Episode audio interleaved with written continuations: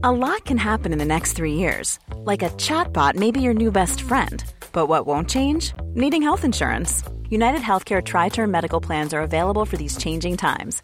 Underwritten by Golden Rule Insurance Company, they offer budget friendly, flexible coverage for people who are in between jobs or missed open enrollment. The plans last nearly three years in some states, with access to a nationwide network of doctors and hospitals. So, for whatever tomorrow brings, United Healthcare Tri Term Medical Plans may be for you. Learn more at uh1.com. Life is full of awesome what ifs, and some not so much, like unexpected medical costs. That's why United Healthcare provides Health Protector Guard fixed indemnity insurance plans to supplement your primary plan and help manage out of pocket costs. Learn more at uh1.com. Denne episoden er i samarbeid med Kreftforeningen.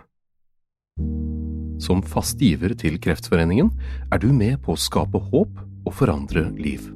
Og det både høres ut og er en stor ting. Men det trenger ikke å være en stor sum for deg. For prisen av bare en og en halv frossenpizza i måneden kan du bidra til forskning, behandling og hjelp til livet med kreft og livet etter kreft. Bare det utgjør en forskjell. Så gjør en forskjell. En og en halv frossenpizza. Du kan selvsagt gi mer hvis du vil, og du bestemmer selv om du gir månedlig, kvartalsvis eller halvårig. Ja, det hele er kjempefleksibelt. Det viktigste er at du som fast giver bidrar til at færre skal få kreft, og at flere skal overleve. Gå inn på kreftforeningen.no giver, eller klikk på lenken i episodebeskrivelsen. Som sagt, en og en halv frossenpizza. Bli fast giver hos Kreftforeningen i dag.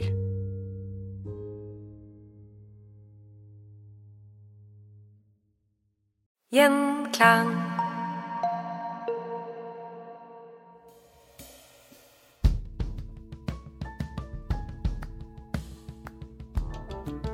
Keiser Augustus, eller Gaius Octavius som han først het, var en sylskarp ung mann som skulle ende opp som Romerrikets første keiser, og etter sin død en gud. Med oss for å fortelle om denne litt kompliserte, men fascinerende historien er fagansvarlig for romersk historie i SNL og førsteamanuensis 2 i antikkens historie ved Universitetet i Sørøst-Norge, Jon Ideng. 23.9. år 63 før vår tidsregning blir en gutt født i Roma. En gutt som får navnet Gaius Octavius. Hva slags familie blir han født inn i? Nei, han var født inn i en velstående aristokratfamilie i Roma. Eh, det må vi kunne si. Det var ikke av de eldste og mest prestisjefulle slektene, men, men, hans far hadde vært, uh, sittet i Senatet og vært, uh, vært en embetsmann, så han var, kom fra veldig bra kår. Og han var heller ikke den eneste som, som hadde navnet Gaius Octavius? Nei, det var jo veldig vanlig i antikken at man fikk liksom det samme navnet som faren sin. Så også faren hans het Gaius Octavius. Så det, han kom da fra den oktaviske slekten, som vi sier. Altså gens octavia på godt latin. Og den, eh, det var en, eh, en, som jeg sier, en relativt eh, velstående, bra aristokratisk slekt, men ikke en av de aller fremste. Og han var i slekt med Julius Cæsar? Ja, moren hans var eh, en si, datter av søstera til Cæsar. Så, så, han var grandnevø av Julius Cæsar. Hvordan var hans forhold til Julius Cæsar? Han eh, hadde nok ikke så veldig mye med Cæsar å gjøre, fordi Cæsar var jo så veldig busy overalt eh, hele tiden. Men eh, etter at faren hans døde, eh, han døde når eh, Augustus var bare fire år gammel, så fikk jo kona, eller moren hans, da, Atia, fikk seg en ny mann. Eh, og han var ikke så veldig opptatt av eh, denne unge Gaius Octavius, så han ble faktisk satt ut på landet og bodde hos sin eh, bestemor da, og søstera til, til Cæsar. Så han kan nok ha hatt møtt Cæsar ved, ved, noen anledninger i den sammenheng, men, men så ble det fatta Cæsar nok litt interesse for denne grandnevøen, og skjønte at han hadde noen talenter, og inviterte han med på, på felttog og andre ting. Både i Roma, men særlig et felttog i, i Spania for å slå ned liksom, de siste opprøret eh, etter den, den, første store borgerkrigen. Og da, da skulle eh, egentlig da Gaius være med, men han ble sjuk og måtte, måtte komme etter den gangen. Hvordan så det romerske riket ut eh, på denne tiden? Da er det Julius Cæsar som Da var Julius Cæsar diktator. Eh, altså noe som egentlig skulle være et, et kortvarig embete, som, eh, som, man skulle ha all makt for halvparten av tiden, sier de vanlige konsulene. Men, men, han hadde altså tatt dette etter hvert, da fikk han det på livstid. Men eh, da var det jo blitt et verdensrike. Eh, det må si. Eh, det strakk seg jo fra Midtøsten og, og hele veien opp til Nå hadde jo til og med Cæsar erobra Gallia, ikke sant? dagens Frankrike, mer eller mindre. Så, og, og, Spania og, og Nord-Afrika. Så det var jo rundt Middelhavet så hadde romerne fullstendig kontroll. Og så er det, det er jo mye som skjer i år 44 før vår tidsregning, som kanskje blir kickstartet av en dramatisk hendelse den 15. mars dette året. Ja, da ble jo Cæsar dolkedrept i, i Senatet eh, av eh, ganske mange, det er vel 30 konspiratører som går mot ham i, i Senatet. Eh, og sørger for å få ham drept som en tyrann, da, som den diktatoren de ikke ville ha.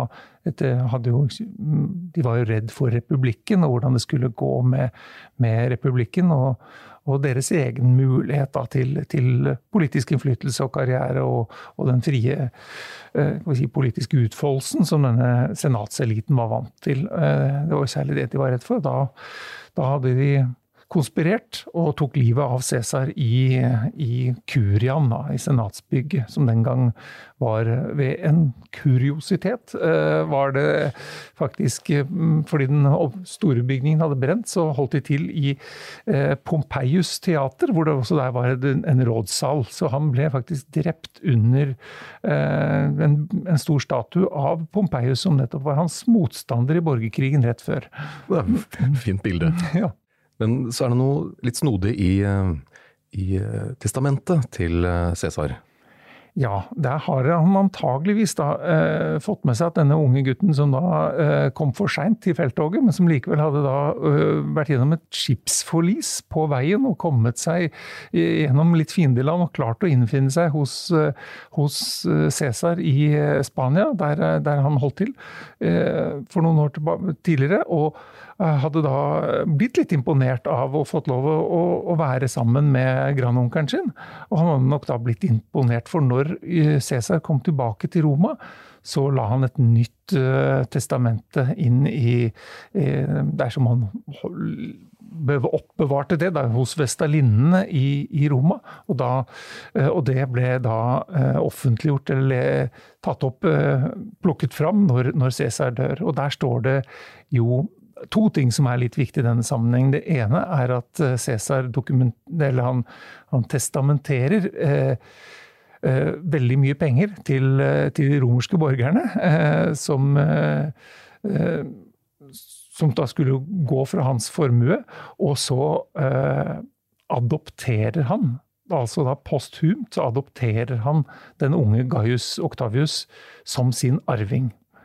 Og det er jo helt absurd for oss å tenke på at noen eh, adopterer noen etter at de er døde. Eh, men eh, dette med adopsjon var ganske vanlig i, i Romerike. At, man at man adopterer en godt voksen person, var også vanlig. Hvis man ikke hadde mannlige arvinger sjøl, eller de var helt udugelige, så kunne man rett og slett få seg en god arving ved å adoptere en, en Og det kunne gjerne da være en som man hadde en familierelasjon til, sånn som i dette tilfellet. Da, da, men her, i og med at, eh, at, han allerede var død, så måtte jo i og for seg da eh, den unge Gaius Octavius han måtte jo bestemme seg. Ville han godta dette? Ville han la seg adoptere inn, og dermed overta navnet og alle forpliktelsene og alt som fulgte med det, eller ikke? Og var, Han var jo 19 år gammel da, så han hadde øh, han, Det var litt å, å, grunne over. Skal jeg liksom virkelig øh, nå plutselig framtre som sønnen til Cæsar, eller skal jeg ikke? Var han forberedt på det? Det, det vet vi ikke, men, men, eh, det kom som et sjokk på alle andre. I hvert fall. Så det er ikke sikkert han visste om det, men det kan hende at han hadde fått noen hint.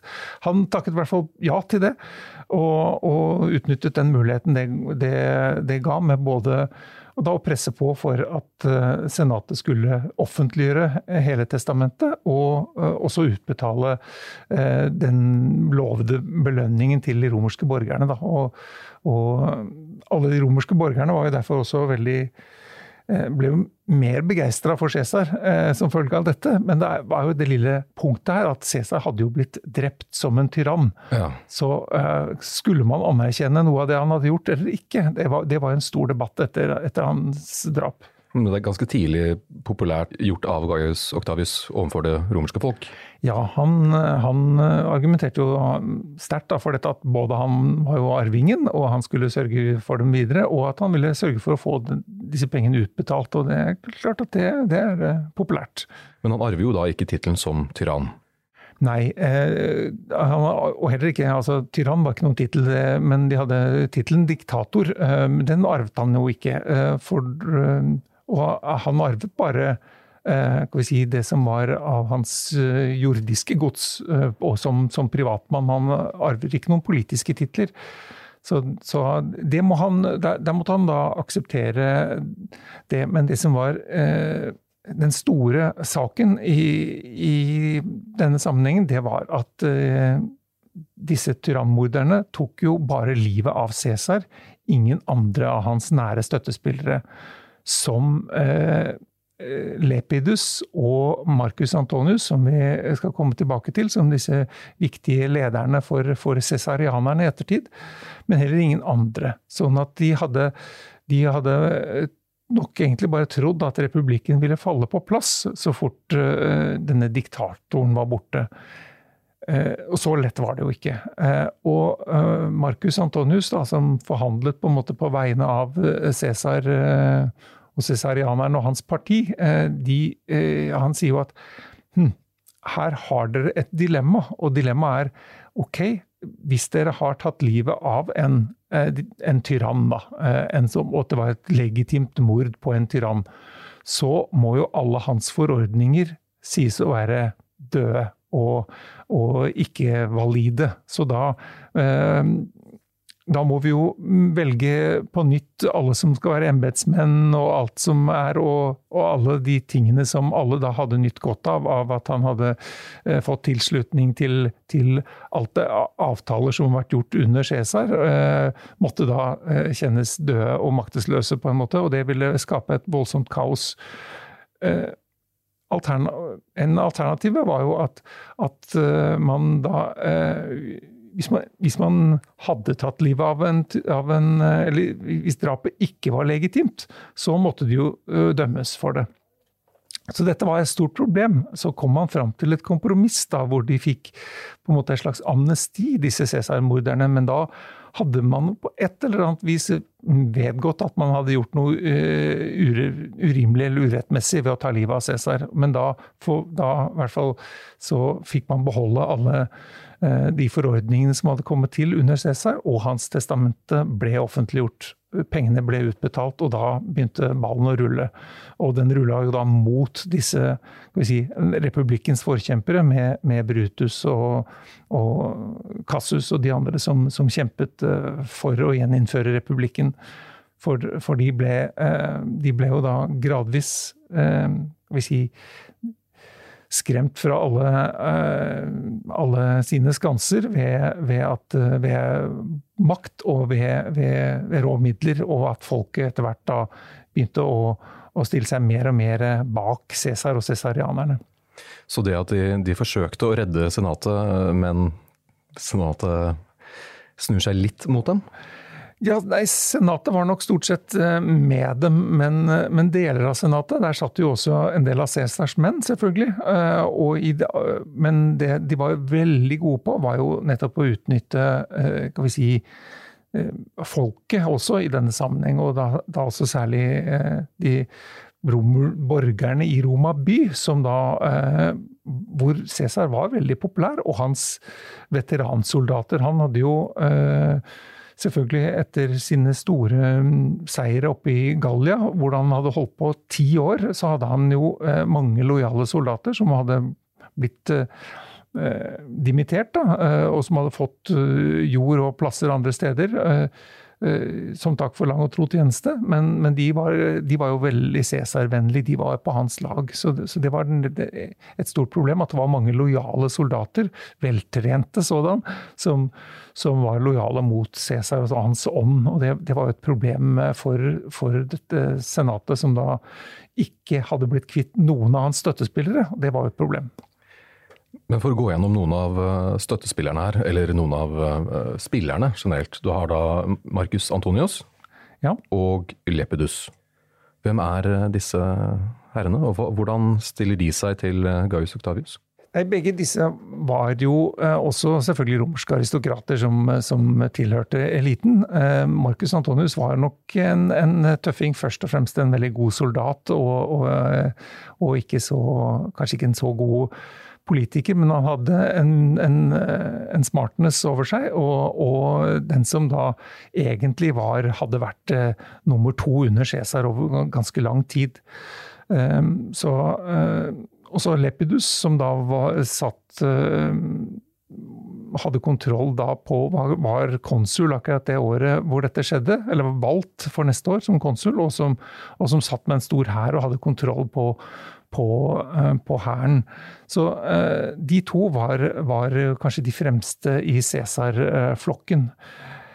Når eh, denne unge Gaius Octavius, da, som nå skifter navn til eh, Gaius Julius Cæsar, som sin adoptivfar. Mm -hmm. Og så eh, er det da vanlig eh, når man blir adoptert inn, at man på en måte beholder som et slags kallenavn den slekten man kom fra. Så derfor så blir han da kalt for den oktaviske Cæsar, eller oktavian, da, som vi kjenner han som. Så vi pleier å bruke begrepet oktavian om, om denne eh, om, som, som jo etter hvert skal bli Augustus, mer kjent som det.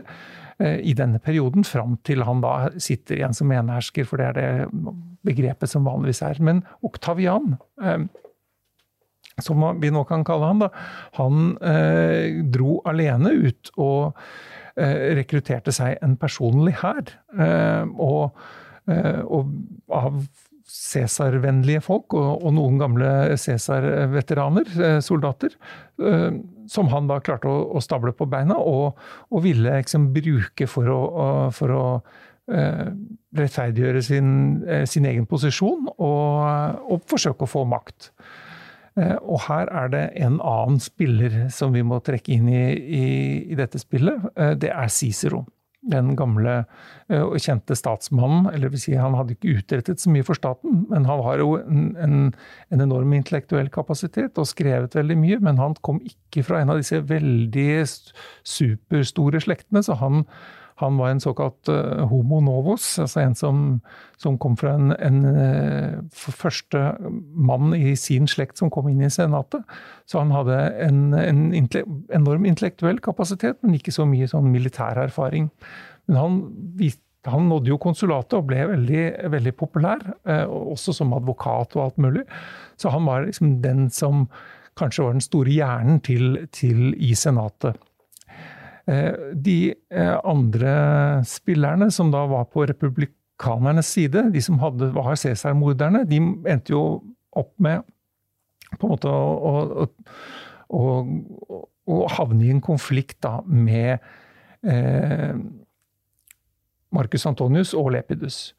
Så det ble, det ble en krig eh, i Italia og der var det Cicero så for seg at han kunne klare å utnytte denne unge Oktavian Octavian til eh, å være på senatets lag. Så, han sendte han opp der mot noen lovnader om, om støtte videre og videre karriere osv. Og, så og han kjempet med sin hær på republikanernes side i denne sammenhengen, mot Marcus Antonius og Lepidus. Eh, de vant republikanerne det første slaget. Og eh, Marcus Antonius og Lepidus måtte rømme Italia, opp til Gallia. Eh, men eh, Octavian var ikke fornøyd med den kreden han på en måte fikk for, for sitt bidrag i, det, i dette. Eh, konsulen, den ene Brutus som var med, han døde til og med. Så han, eh, det da eh, Octavian gjør, det er at han vender rundt på hæren sin og marsjerer rett inn i Roma og forlanger å bli utnevnt som konsul. Så han gjør på en måte et slags lite minikupp der. Han, han sier at eh, dere kan vær så god stemme på meg, eller så, så, skal dere se hvordan det går. Og da blir han jo utnevnt av Senatet som konsul. Og så rømmer da til slutt de andre republikanerne eh, unna eh, Italia, drar østover og regrupperer seg i Hellas. Mens da eh, denne Oktavian finner igjen sammen med Marcus Antonius og Lepidus, og danner da det såkalte andre triumviratet. Så i år 43 så blir eh, Oktavian, Antonius og Lepidus enige om å samarbeide, og med dette da det andre triumviratet. Eh, kan du raskt si hva det første var? Ja, det første var en, vi si, en slags sånn allianse, egentlig, mellom eh, Cæsar, Crassus og Pompeius. De, ble, de var tre av de mektigste mennene da, i Roma på den tiden. Det var Pompeius som var den store, suverent største militærstrategen og, og svært populær liksom, i hæren. Og så var det Crassus som var den rikeste mannen. Og så var det Cæsar som var den finurlige, smarte politikeren i, i dette, som sørget for å, å, få disse to andre sammen, egentlig, og, og, og få fordelt eh, alle eh, embeter og ting i seg imellom disse tre. Så de styrte egentlig da ikke formelt, men de styrte uformelt så styrte de eh, politikken i Roma og fordelte liksom, oppgaver og, og, hva det skulle være. Inntil den alliansen da sprakk, og de, og de eh, havna i den eh, store borgerkrigen, den første av dem. Men dette andre triumviratet som det da nå opprettes, de er på et måte så, så så prøver, forsøker de å gjøre dette som et formelt eh, vi si, et trehodet diktatur.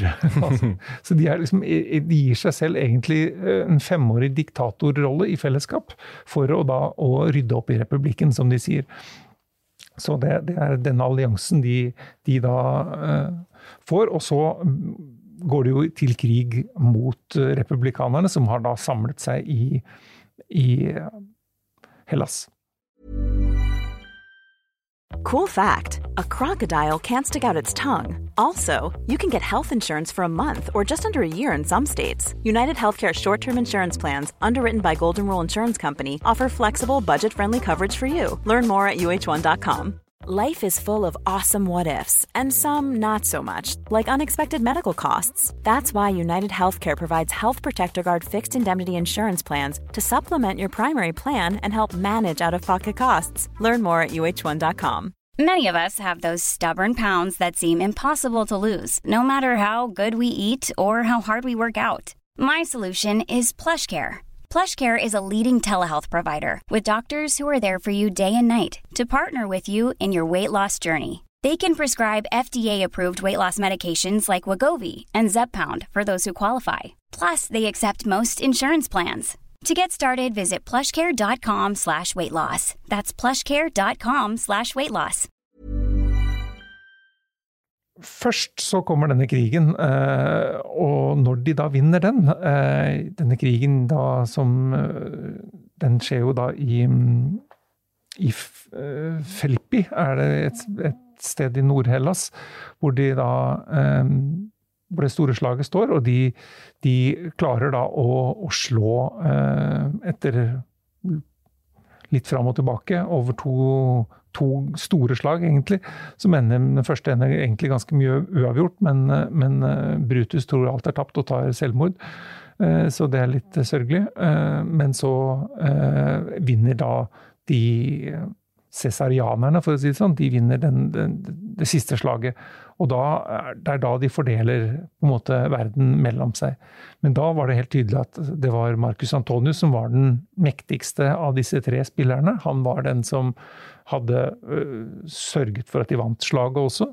Og han uh, får på en måte velge først, og han velger seg da den østdelen av riket, hvor det er mest ressurser, mest penger og, og kan vi si, mest gøy i vente. For Cæsar hadde jo eh, forberedt lenge et stort felttog mot eh, Parterriket i Mesopotamia nedover der, så han hadde tenkt seg dit eh, når han ble drept.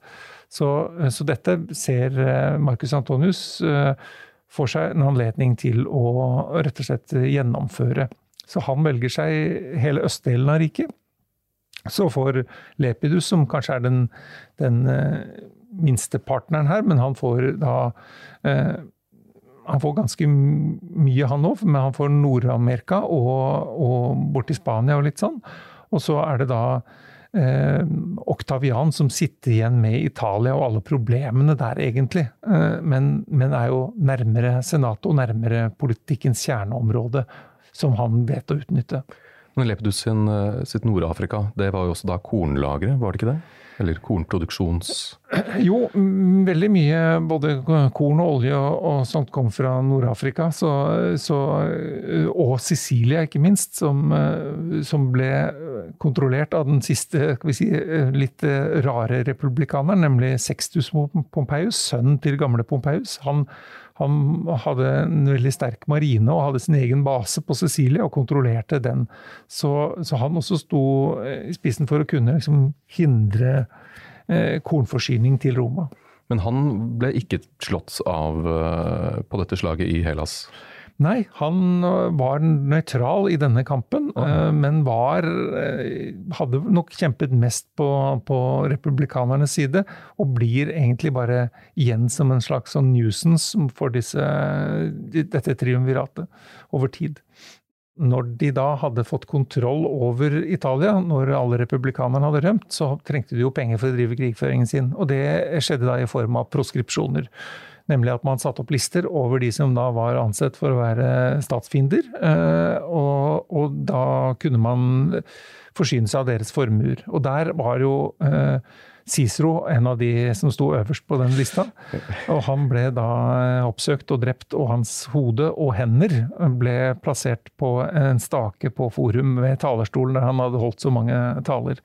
Det var da Marcus Antonius som særlig sørget for det. for det Cicero hadde jo skrevet en rekke taler mot uh, Marcus Antonius og, og skjelte han ut etter noter i alle disse.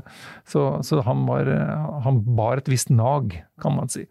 Så det, det, det skjedde med, med Cicero, og, og, og, som på den måten beriket de jo seg og, sørget for å, ja, å sikre seg eiendommen og, verdiene til, til, disse republikanerne i Italia.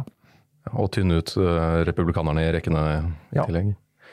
Så i uh, år 42, uh, så, også 1. januar, så sier senatet at Julius Cæsar var en gud. Ja. Hvordan uh, blir dette til? Nei, det er jo en litt finurlig måte man tenker på her.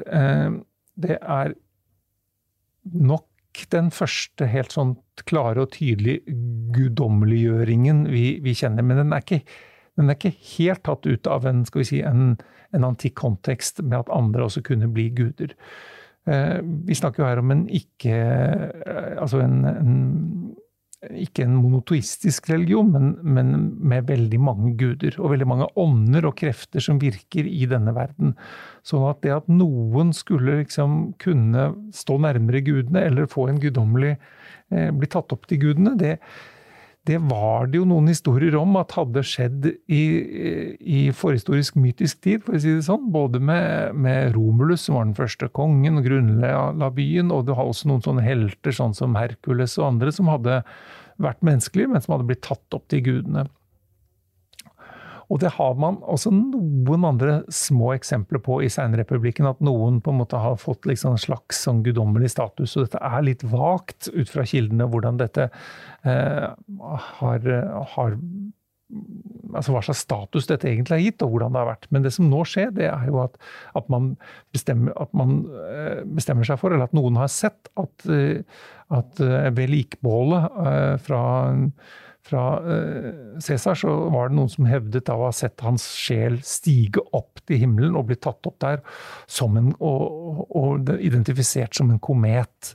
Og dette, da, dette er den eh, versjonen som da blir eh, godkjent av Senatet da, ved dette vedtaket, hvor han da faktisk blir en divus. Og, er, eh, og, da kan jo Oktavian utnytte dette til å være en sønn av en guddom, en divi filius. Hva syns Marcus Antonius om eh, dette? Det, han syns nok kanskje ikke dette var så veldig bra, men han var eh, Han tenkte vel kanskje ikke at Cæsar hadde blitt en gud, hvis jeg skal være ærlig. Men, men samtidig så var det jo en måte å, å få anerkjent Cæsar på, og dermed også måtte deres krigføring mot republikanerne og, og, det som hadde skjedd i mellomtiden. Så, så på et vis så, så, var det nok flere som var fornøyd med det. Det, det, det nok eh, Cæsar, eller det Antonius var fornøyd med, det var nok han ble den første eh, presten for, for Cæsar-kulten. Så han, han, kunne liksom styre og ordne litt med dette til å begynne med. Så det, han var nok fornøyd med den rollen og den muligheten dette ga til å Eh, til å innvirke på politikken. Da. Så nå er eh, Lepidus eh, holder på i Nord-Afrika og Spania. Pompeius er i Sicilia. Og Marcus Antonius er i Østen. Og Oktavian er da i Italia. Ja. Men han kan vel ikke styre alt dette selv? Dette er jo et uh, lite uh, rottereir av uh, intriger. Hvem er hans støttespillere her, og familie og, og venner? Ja, nei, han, han, har jo selvfølgelig eh, mange å støtte seg til av, av venner. Han, men han har særlig to som, som vi kan trekke fram her som, som viktige i, i Oktavians liv. Det er eh, Marcus Agrippa, som da var hans si, militære hjerne og general.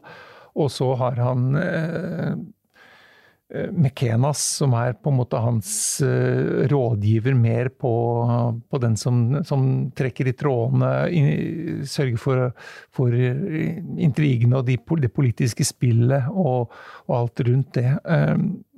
Som legger strategien også, og så framstår da som, som en av de, de fremste si, kulturpatronene, som sørger for at Augustus framstår som noe helt annet enn det han, han jo opprinnelig var, en, en uh, fraksjonsleder.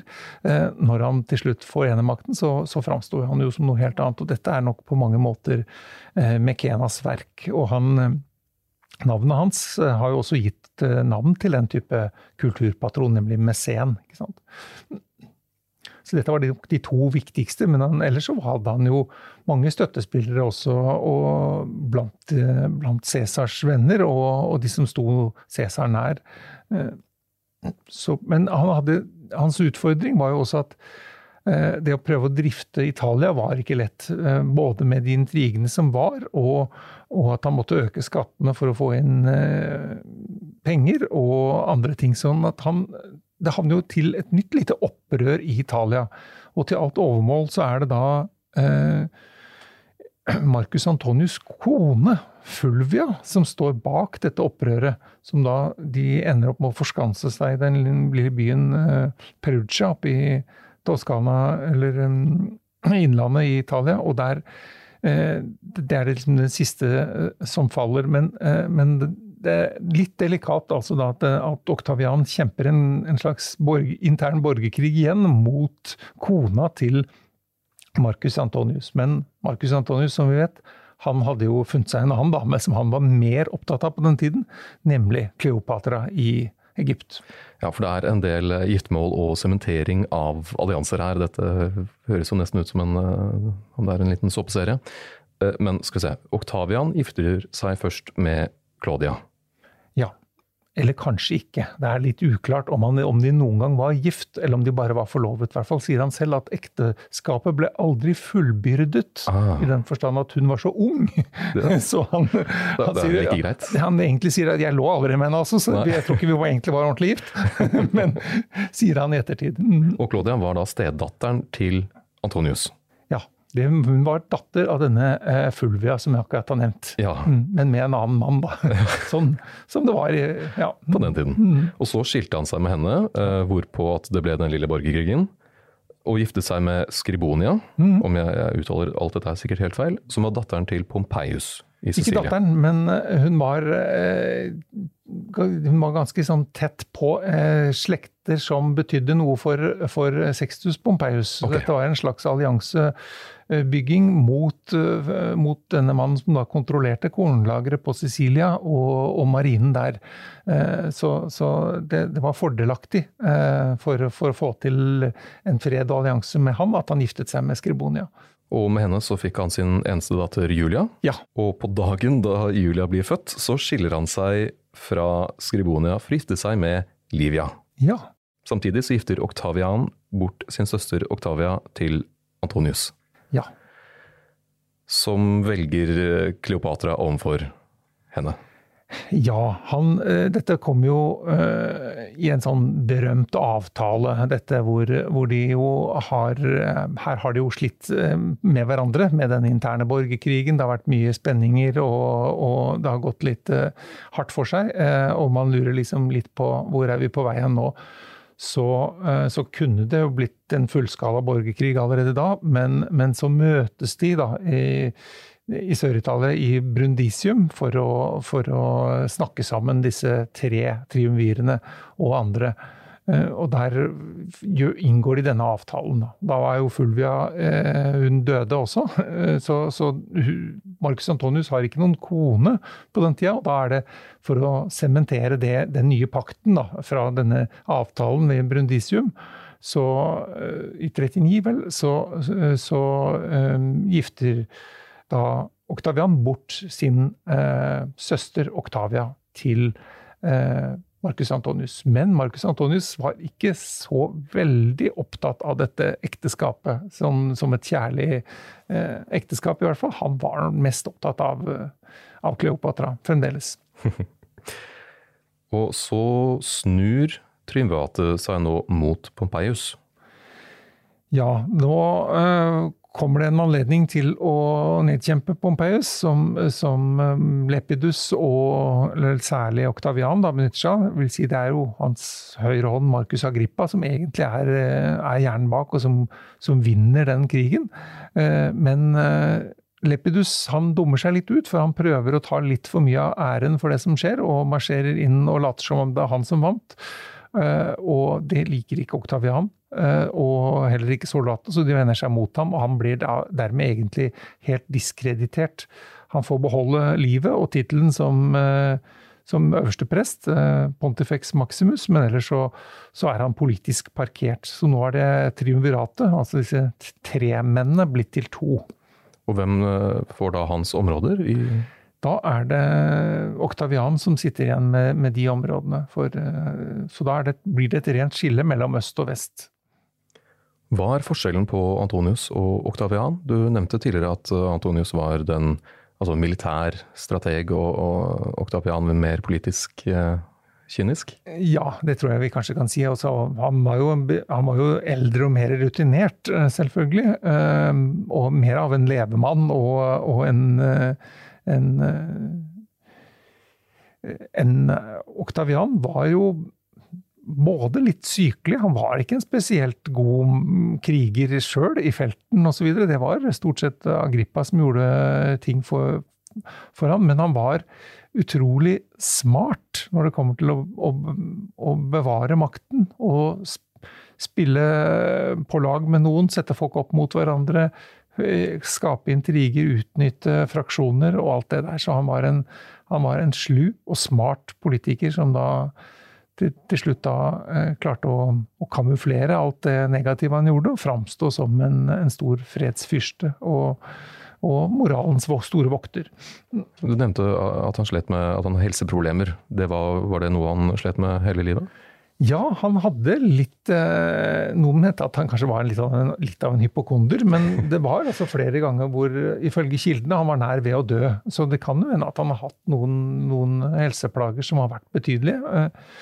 Eh, så, så han, eh, han var ikke av de, de, som alltid var ute i all slags vær og vind og, og sto last og brast med, med hæren sin ute i, i, i, det hele. Han, han, var både syk og hadde perioder hvor han var, var inne og, og, var litt svakelig. Han var redd for trekk? det kan hende. Men nå uh, står da Antonius uh, i Han er i Østen. Skal, prøver han å fullføre Cæsars uh...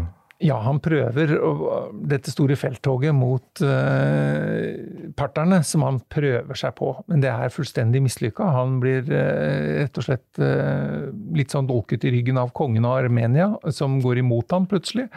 Så han, han, må dra hjem med halen mellom beina etter ganske kort til en ganske kort økt der borte.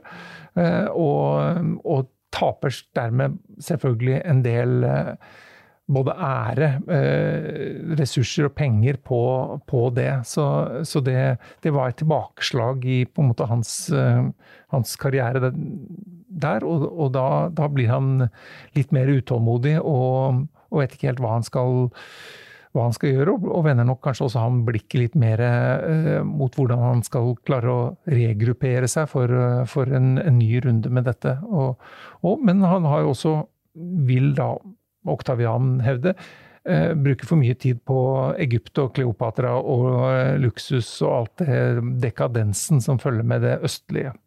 Og det bruker Oktavian for alt det er verdt? Absolutt alt det er verdt, og bygger opp en stadig større sånn aggresjon mot eh, alt det skumle uh, uvesenet fra, fra, øst. Dette ligger jo langt tilbake i, i, i, i retorikken og i, den, den, språklige litteraturen, dette med, eh, dette med, frykten for alt som kom fra øst. og det det stammer vel kanskje fra, fra liksom beretningen rundt perserkrigene og i det gamle Hellas, hvor vi plutselig får bevart masse litterære tekster som forteller om disse fæle perserne som kom og inntok eh, deler av den greske verden. Eh, og, dette blir en sånn litterær toppos som, som, holder seg gjennom Hvor også romerne er skeptisk da, til alt som kommer fra øst, særlig det som kommer langt østfra, men også grekerne, fordi de er liksom de er litt sånn slu og snakkesalige, men de, de, er ikke så de er ikke sånn ordentlig barske mm, menn, men de, de må han passe seg litt for. Så her, er det da, eh, her blir det på en måte en slags kamp mellom øst og vest, og da særlig Egypt, som er det negative, eh, og Kleopatra, som, som da blir representant for alt dette østlige, disse rare uh, gudene og, og, skikkene og den, den, luksusen, ikke minst. Det kom fram at Marcus Antonius hadde en nattpotte i gull, det, mens Octavian da la vekt på å framstå veldig nøktern og ACAST powers the world's best podcasts. Here's a show that we recommend. The Real Housewives is a guilty pleasure for most, but if you're looking to not feel guilty about that pleasure, tune in to Everything Iconic with me, Danny Pellegrino, where I break down all the messy moments and behind the scenes antics of Bravo's popular franchise. And on Everything Iconic, I also interview celebrity guests like Kelly Ripa, Kiki Palmer, Drew Barrymore, Cameron Diaz, and more about their guilty pleasures, their past work, and so much more. So if you're pop culture obsessed and find yourself watching way too much reality TV like me, tune in to Everything Iconic with Danny Pellegrino wherever you listen to podcasts. ACAST helps creators launch, grow, and monetize their podcasts everywhere. ACAST.com. Ha sin, bare sin vanlige toga og sin bo i sitt gamle hus og alt det der. Og hva gjør Oktavian nå, for han erklærer da krig mot Kleopatra, men ikke Marcus Antonius? Det er riktig, eh, og det eh, det er nok kanskje litt rart, men noe annet ville være å erklære en borgerkrig. Så han erklærer krig mot den fienden som da er, som da er, er en fremmed fiende. For det, det, er lettere å få med folk på, og det er lettere å, å sånn, både retorisk og formelt å erklære krig mot, mot Egypt, da, fordi det, for deres innblanding i, i ting. Så, eh, men det var jo helt klart for alle at dette var en krig mellom eh, disse to kamphanene, Marcus Antonius og Octavian. Og eh, Marcus Antonius da klarer å, å samle alle troppene sine, han også, i det vestlige delen av Hellas. Ved et, en bukt som vi ved et sted som kalles for Aktium, og der, der, går han da på dette famøse nederlaget mot Oktavian, og særlig Agrippa, som, som uh, klarer å få til en knipetangsmanøver og stenger hele flåten til, uh, til Marcus Antonius og Kleopatra inne, og, og vinner en nesten blodløs seier. men uh, mens Oktavian står og ser på og heier, og, og Marcus Antonius og Kleopatra faktisk klarer å bryte ut og seiler tilbake igjen til Egypt. Med halen mellom bena? Med halen mellom bena. Og der så tar de sitt liv? Ja, ikke riktig ennå. Oh, ja. det går nå eh, ennå noen måneder før, eh, før både Oktavian da kommer etter og, og inntar Egypt og Alexandria. Og det er da, eh, da det skjer at de, de, tar sine liv. Og da snakker vi om i år 30 før vår tidsregning, eh, og da er altså eh, Oktavian står tilbake som, som den med enemakten. Og, og da er liksom spørsmålet hva nå? Og mer om det og Oktavian som eneste på toppen kan du høre i neste episode. Følg oss gjerne på Instagram under Historier som endret verden i ett ord. På gjenhør.